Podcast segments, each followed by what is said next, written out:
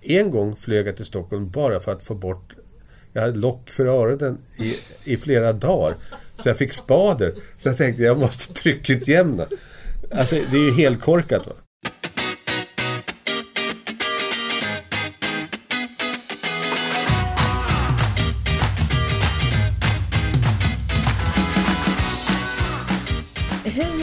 Välkomna till den tredje och sista delen av Klimatpodden från Länsstyrelsen Västerbotten. Jag heter Liselott Holm och är kommunikatör och med mig här i studion så har jag som vanligt Länsstyrelsens fantastiska klimatambassadörer Klara Lidström, Maria Nilsson och Staffan Ling. Hej hej! hej. Hallå, hallå. Eh, idag tänkte jag vi ska prata om resor. För det här med att resa, speciellt flygresor, har ju stått väldigt mycket i fokus i klimatdebatten eftersom en flygresa medför ju höga utsläpp av växthusgaser. Hur har du det med resandet, Staffan? När det gäller resandet så har jag verkligen varit med om en resa kan jag säga. Jag är ju född under andra världskriget, eh, 1944. Och möjligheterna för min generation att resa har ju revolutionerats de senaste 50 åren. Det har blivit mycket tillgängligt med bilar, vi har fått bättre vägar, det har blivit mycket mera flygplan. Eh, jag kan väl säga att det som har blivit sämre, det är faktiskt möjligheten att åka tåg. På 60-talet och även på 70-talet kunde man åka tåg egentligen från Stockholm till Paris och bara byta i Köpenhamn. Eh, idag får du byta ett par gånger i Tyskland på vägen. Det tar mycket längre tid och det kostar jävligt mycket mer. Det är dyrare än att flyga. Eh, så där är jag besviken. Men däremot så har ju det övriga resandet verkligen underlättats. Men du hade nästan klippkort på flyget ett Ja, jag hade ju det. Jag hade ju årskort. Eftersom jag var så mycket i Stockholm. Och jag fattade Alltså jag kan ju erkänna, jag har gjort ett par riktigt korkade resor med flyg. För jag tänkte, det spelar väl ingen roll, jag har ju årskort. En gång flög jag till Stockholm bara för att få bort... Jag hade lock för öronen i, i flera dagar. Så jag fick spader. Så jag tänkte, jag måste tryckutjämna. Alltså det är ju helt korkat. Va? Men jag gjorde det. Hjälpte det då? Ja, det var bara, jag glömde tryckutjämna när jag landade i Umeå igen. Så att när jag var tillbaka i Umeå hade jag tillbaka det. Va? Men det ena och det andra var att jag faktiskt for till Stockholm och köpte fisk som inte fanns här i stan för jag hade årskort. Mm. Ja, det är helt korkat. Det är inget jag är stolt över. Men så är det. Därför att jag förstod inte. Vad spelar för plan? Det går i alla fall. Mm. Och jag tror många fortfarande resonerar så. Det hör man ju ofta. Ja. Vad spelar det för roll? Planet går i alla fall. Ja. Fast det är det det inte gör. Det är det som är så roligt ja, när, när, de har, när det har skett en, en förändring i flygskatt och att det är faktiskt linjer som behöver dras in och, mm. och så vidare. Så det är klart att det påverkar men jag tror att um, är lite trött på att det ofta är så med, med miljöfrågor, men många frågor att man kan nu fokusera på en enda, så nu är det flygskam. Förut var det bara eh, att inte äta kött och sen kommer det vara någonting annat som vi bara ska tänka på och så glömmer man, ja, det är väl jättebra att inte flyga men det finns ju tusen fler saker man måste göra för att minska sitt klimatavtryck. Mm. Um, Just det här med att vi gör det till skam och moral, mm. de här mm. frågorna det kan få mig att gå igång.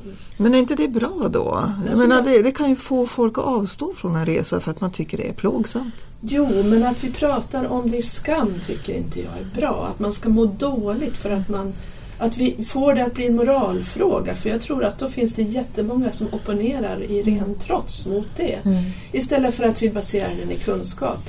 Men om vi tittar tillbaka, vi visste redan på 50-talet att det inte var bra att röka. Mm. Men sen förändrades, eh, sen så tog det lång tid innan det verkligen fick genomslag.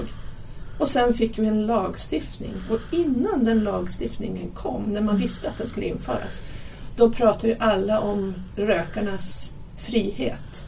Mm. Och lagar kan ju bli normerande. Absolut. Så efter det så vart det, som du sa, det vart ingen diskussion.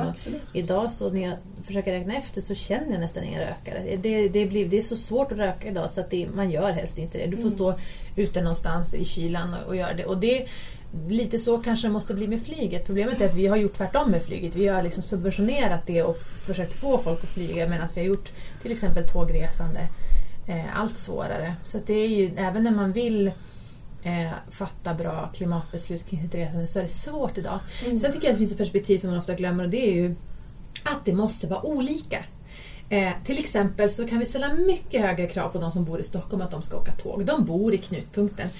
För en, för en Kirunabo att ta sig till Stockholm är ungefär som för en Stockholm att ta sig till Berlin. Mm. Det är inte så många stockholmare vi förväntar sig ska ta tåg till Berlin. Eh, det är ungefär samma distans. Men då tycker man, men det måste man ju få flyga såklart. Men det här är jättekänsligt mm. för det är precis så här man inte vill prata fast det ska vara lika för alla. Mm. Eh, men det är samma sak som eh, de som har, jag menar bor i glesbygd. De, har, de måste kunna få köra bil. Men det finns ju någonting hos oss som gör att vi vill fara längre bort. Mm. Vi vill korsa gränser, vi vill gå över berg. Eh, jag pratade med Stina Stor, författarinnan från Bjurholm. Hon stack ju hemifrån en gång när hon var bara 12-14 år. Och det längsta hon kunde ta från Bjurholm, det var att ta bussen till Östersund. Mm. För det var så helvetiskt långt bort mm. från Bjurholm. Och för oss på 60-talet så var ju då Paris oerhört långt bort. Mm. Och jag kommer ihåg på 60-talet läste jag en skämtteckning med en amerikansk tecknare som heter Joel Pfeiffer. Två intellektuella amerikaner, så, unga, som sitter och pratar. Ja, men det är inte som att jag har gjort något brott, eller hur? Nej, det är bara så svårt att förstå. Ja, men hallå, jag, jag, jag har ju inte gjort något rån. Jag har inte... Nej, nej, men alltså, det är obegripligt. Nej, men vad är det? Ja, men, ja, men, säg det en gång till. Ja, jag har inte varit i Europa. Mm. Och, och, och, lite grann har det varit det, va? Att, att länge var det omöjligt för vanligt folk att flyga till USA, för det kostar så jädra mycket. Och så blev det inte så dyrt. Och då åker man ju dit därför att man kan. Mm. Och likadant med allting i Asien. Det var ju omöjligt. Eh, och så kan vi flyga dit för att vi kan. Och så åker vi dit och så gör vi samma saker som vi förut gjorde på Mallorca. Mm. Det vill säga vi solade och drack billig öl. Därför att vi kunde. Eh, och jag tror att det här måste komma tillbaka till och säga, är det verkligen den typen av resor vi ska göra? Har vi verkligen motiv nog för att göra de här långa resorna till de här ställena? För just det. När vi dessutom, jag, förut sa man ju det här, den som har gjort en resa har något att berätta. Mm. Men det har de inte, det har vi inte längre. För vi åker till samma ställen som våra bekanta och grannar har varit till. Och vi har varit på, på samma hotell och gjort samma utflykter med samma guide och suttit på samma jäkla elefant mm. eh, någonstans. Alltså vi är inte längre inne på att komma hem med några upplevelser utan vi bara markerar att jag har gjort det också. Mm. Tick, tick, tick, tick, tick. Men och jag det, tror det är en inställningsfråga mm. till resandet som jag tror vi måste bearbeta hos oss. Mm. Sen tror jag också att med eh, vi pratade i förra avsnittet också om klimatförändringar och hur man mår när det är en sån här period när det bara är dåligt väder eller vad nu är. Det är två soltimmar på hela februari kanske. Eh, och att förut så har vi inte varit lika medvetna om hur det är. Jag tänkte jag pratade med min mormor från Jokkmokk och hon är ju hon är ju helt övertygad om att det finns inget ställe i världen som har bättre klimat än Jokkmokk.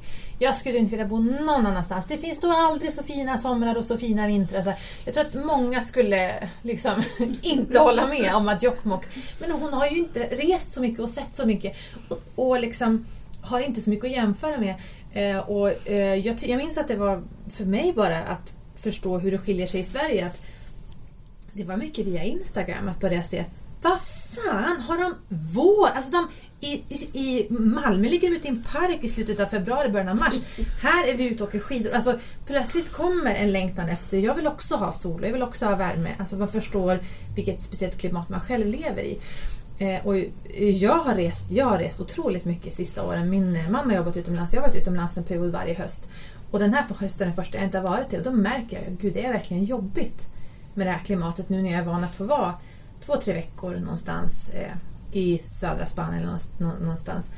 Eh, så det är klart att vi vänjer ju till oss. Jag ska ha en solperiod varje vinter. Det är, det är jag van vid nu. Från att aldrig ha upplevt det och tyckt att det också är okej okay, så har vi ju skapat ett ett behov. Men du har också valt att resa med tåg väldigt mycket. Att fortsätta resa men att resa med tåg. Ja, jag har, och det har, kommer ju från flygskam. Eh, inte att andra har skammat mig utan att jag själv har känt att det här håller ju inte. Eh, I våras gjorde jag en resa i Schweiz och Italien med min familj, tågluffade. Och det var den bästa resa jag gjort. Eh, och det var också väldigt smidigt. Eh, det är det ju inte, som du säger, det är väldigt många byten i, på, på många ställen. Men, men just den sträckan var väldigt smidig och mycket trevligare än att flyga. Så att det kan jag verkligen rekommendera. Men sen, det är ju inte billigt. Alltså det kan man ju inte påstå att det är. Mm. Um, och fortfarande så är frågan, det är, bra, det är bättre än att flyga men hur mycket ska vi transportera oss? Mm. Tåg, släpper också, alltså tåg har ju också en miljöbelastning och här tycker jag att det ofta haltar när vi pratar om vi måste sluta resa till Thailand. Så här, ja, det kanske vi måste göra. Vi kanske måste sluta turista i andra länder. Men då måste ju folk också sluta komma hit. Och det perspektivet är jätteläskigt. Jag tänkte bara när jag var i Stockholm sist och gick runt i Gamla stan och så här, det är så mycket asiater, japaner och kineser som turistar och kommer till Sverige. Det är ju också ett klimatavtryck. Vi, vi, I så fall ska vi ju sluta jobba med turism på det sättet. Vi måste jobba mer med inhemsk turism. Och då, då är vi ju verkligen inne på en brännande fråga för det, alltså, turismen är en jättestor sektor i Sverige, den bara ökar.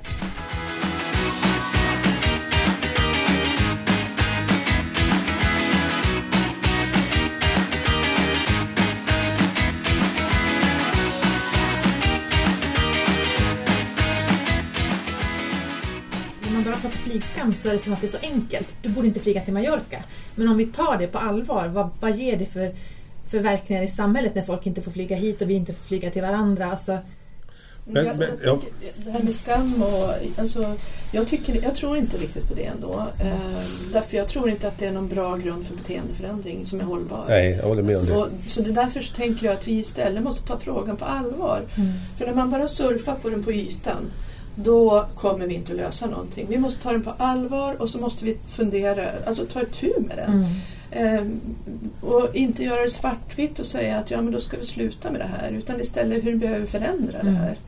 Och vad kan vi erbjuda som är attraktivt för ett närområde mm. i större utsträckning istället för att låta bara det här gå på. Mm. Och man attraherar de här väldigt långväga turisterna om vi nu ska ta ditt exempel. Och faktiskt en Thailandsresa, då har du förbrukat hela ditt klimatavtryck på ett år. Mm. Så att det är ju inte småsaker heller i, i termer av klimatavtryck. Men jag tror att det händer saker, just det att fara långt för att uppleva någonting. Eh, så det kommer att naggas i kanten. För att vi kommer att kunna få våra upplevelser här. Eh, virtuellt till exempel. I Kina har man byggt upp europeiska städer i kinesiska städer. Sigtuna finns i Kina, eh, Amsterdam finns i Kina och så vidare. Eh, jag såg igår en kinesisk, eh, ett tv-ankare, ett nyhetsprogram, helt artificiell, som satt och läste det. Så att vi kan ju komma in i de här miljöerna, upplevelserna av utan att behöva åka dit. Jag tror att det kommer mycket mer utav det. Och så kommer vi att välja på ett annat sätt vad vi faktiskt åker iväg och upplever. Och på vilket sätt. Jag tror att om det är på samma sätt som med maten, om man gör det dyrare eh, eller liksom om vi är beredda att lägga mer, då kanske man gör en eller två resor i sitt liv istället för att resa mm. mm. till samma resort varje vinter. Men det kräver ju en beteendeförändring och kanske också en kostnadsförändring. Det ska inte vara så billigt mm. att flyga längre. Och där tror jag att, jag tror mer, alltså det här med eh, utsläpps, eh, att köpa utsläppsrätter som flygbolagen kan göra. Det tror jag är en dålig idé. Jag tror mer på en flygskatt ut över hela världen. Mm. Att det kostar mer att åka långt. Det ska vara kännbart på det sättet. Mm. För annars så ser vi det inte riktigt som en kostnad. Det visar ju ditt exempel också att om det är billigt så gör vi ju dumma flygningar. Ja. Om det är gratis så flyger man och köper fisk eller får, löser ett lock över örat. Mm. Och det är ju så att det är så himla billigt att resa till London och så, här, så det är svårt att kräva att folk ska låta bli. Och där kan jag ändå säga att jag gjort någonting bra. Att, vi, vi sålde vår andra bil Eh, i vintras. För att dra ner på det. Vi har bestämt oss för att vi reser inte eh, långt. Vi, vi, vi, flyger inte till USA och vi flyger inte till Asien. Eh, utan vi försöker se på Europa om vi ska någonstans. Mm. Så tittar vi hela tiden. Skulle det gå att åka tåg? Det går, fan, det går inte helt enkelt. Det är ett umbärande mm. att åka tåg i Europa. Men vi försöker flyga mindre, så vi flyger mindre. Tänker, ja, jag har alltid tyckt om att åka bil. Mm. Det som är bra är att man kan ta med sig så mycket saker. Man kan transportera till barn och barnbarn och bekanta. Man kan ta med sig hem. Nu läste jag, tror jag igår, att om jag kör bil ensam till Stockholm så gör jag lika stort klimatavtryck som om jag flög till Stockholm. Oh, Gud, det hade jag ingen Det är lite nedslående. Ja. För jag tänkte på det, man pratar ju väldigt mycket om, eh, eller man pratar inte bara om, utan det tillverkas ju, forskas på och diskuteras väldigt mycket nya drivmedel. Eh, det är biogas och det är olika varianter utav eh, Svartlut. Svartlut, olika typer utav mera miljövänlig diesel ja, etc. Ja. Det, hur, hur mycket förhoppning tycker ni att man skulle kunna lägga på det? Eller handlar det mer om att äh, det, det, det, vi måste faktiskt begränsa konsumtionen, begränsa körandet och begränsa resandet? Jag tänker att det är livsviktigt att man verkligen jobbar på att hitta nya system för transporter och eh, drivmedel och att de är fossilfria. Det är livsviktigt att vi gör det. Eh, för vi kommer ju inte att dra ner nu och vi kommer inte att sluta transportera oss. Eh, utan vi måste hitta bättre drivmedel. Mm. Men, men sen tänker jag att vi måste, eller måste, men var och en måste ju fatta sina egna beslut utifrån hur man tänker och tycker naturligtvis. Men det vore positivt att ju fler som verkligen värderar sitt eget resande. Mm. Är den här resan nödvändig? Eh, finns det ett alternativ där som kostar mindre i klimatavtryck? Mm. Och ibland så är mycket slentrian. Mm. Och man bara gör det, precis som du var inne på tidigare Staffan, att man bara, bara för att man kan. Mm. mm. Och att vi ändå tar den här frågan på större allvar så vi värderar det i större utsträckning. Men sen tror jag att, jag, jag tror helt på att, um, att det behövs bättre drivmedel men sen så så måste vi minska för att, vi, att ha den här stora fordonsflottan som ska undra, bara bygga de här vägarna, all skit det släpper ut asfalt och allting. Um, eh, blir ju ett problem. Sen tror jag att eh, jag läste om, jag hörde någonstans om UPS, det här fraktbolaget som hade räknat ut att de eh, har liksom med algoritmer och genom att analysera väldigt stor mängd data hade de upptäckt att de ska eliminera, för att minska utsläppen och minska bensinåtgången ska de eliminera vänstersvängar när de levererar. Alltså, vilket, alltså vänstersvängar över korsande körfält. Därför att de med hjälp av data kunde räkna ut att det lönar sig bättre att köra en liten omväg därför att där står vi i en vägkorsning och så går det. Så att det finns innovationer som gör att man kan med hjälp av teknik räkna ut vilken rutt, vart är det minst trafik och sådär alltså så att man kan spara eh, där. Samtidigt så ska vi också veta att det finns ju inga det har ju aldrig skett att en ringled har gjort att det har minskat trafik eller att um, allt som vi gör som gör att det blir trevligare att köra bil till exempel kommer göra att vi kör mer bil. Mm. Bättre bilar, förmodligen självkörande bilar, um, eh, ringleder runt städer så att det ska gå snabbare. Då kommer vi hellre ta bilen för det, det går så snabbt vid ringleden. Så det är svårt också att Alltså, vi behöver ju innovationer men det är så lätt att vi litar på att de ska rädda oss när de bara möjliggör ännu mer av det här felaktiga helt, beteendet. Absolut helt rätt i det. Mm. Vi skulle behöva klippa det nu mm. egentligen om vi nu ska vara så krassa så att vi ska rädda vår framtid mm. på ett mm. bra sätt. Så att vi inte kommer över en och en halv grad som mm. Parismålet är nu. Men, men um, så länge ansvaret lämnas till oss som privatpersoner mm. så, så, är det väldigt svårt att säga att man måste göra si eller så, dra ner så mycket. Och, utan, um, och tittar vi på de lagstiftningar, och policy som finns så stödjer det inte oss. Mm. Utan det in, som det ser ut idag så individualiserar det väldigt mycket ansvaret för den här mm. förändringen. Och så länge det ser ut på det sättet så kommer det inte att ske. Nej.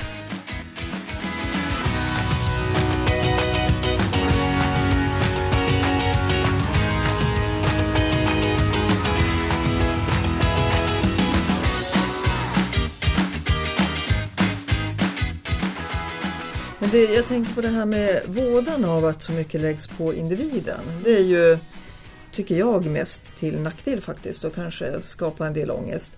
Men det finns också goda exempel där man bildar, alltså man ser sitt ansvar och bildar gräsrotsrörelser. Mm. Till exempel, som ser ofta de här nätgrupperna, tågsemester till mm. exempel. Det som, och där kan man också driva fram en opinion som så att säga pickar politikerna i baken lite grann. Mm. Att man, det, man, man tvingar fram säg en tågvänligare politik. Mm. I, I hoppstudien som vi gjorde så, så det var ju uppenbart ändå att, att eh, politikerna behöver inte vara så rädda.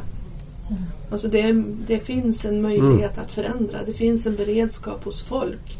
Och släpper man fram den här oron som man kan känna ibland så skulle man ju snarast känna tacksamhet om man mm. såg det hända. Exakt, verkligen.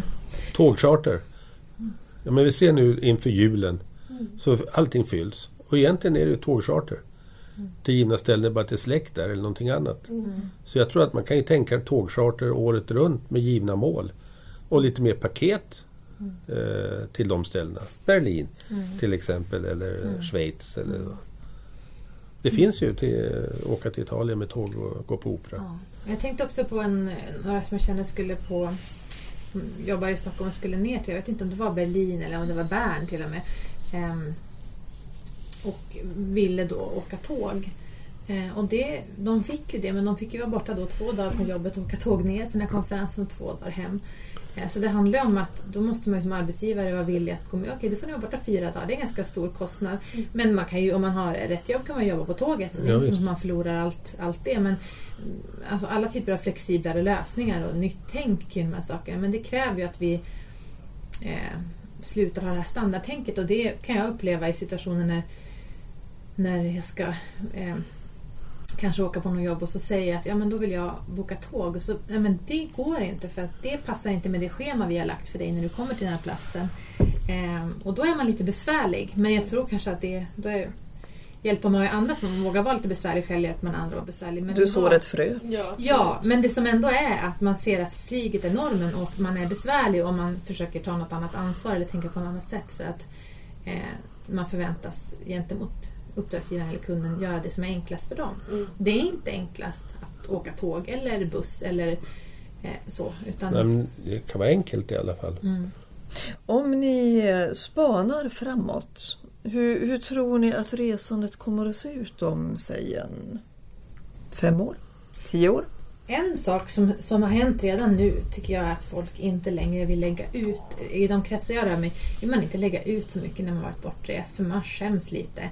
Eh, för att man vet att man kommer bli ifrågasatt för varför flög du dit? Och, du menar lägga ut på... På Instagram till exempel. Man vill inte skriva så mycket om det. Och om vi nu har konstaterat att skammen inte är bra så kanske det ändå gör att man är också med och bidrar till normalisering. Alla reser. Men om man inte ser lika mycket reseskildringar och lika mycket bilder så kanske man också får en annan så normaliserar man ju något annat. Så det tror jag att vi kommer sluta eh, skryta om resor på samma sätt som vi gjort utan att det kan vara snarare att man skryter om att man stannar hemma och har hemester eller åker på tågsemester. Mm. Så någonting annat har ju blivit status och det tror jag vi kommer se mer och mer. Mm. Och med de orden så avslutar vi tredje och sista programmet i vår poddserie med Länsstyrelsens klimatambassadörer Klara Lidström, Maria Nilsson och Staffan Ling. Jag heter Liselott Holm och tack för att du har lyssnat. Hejdå. Ja, hej hej!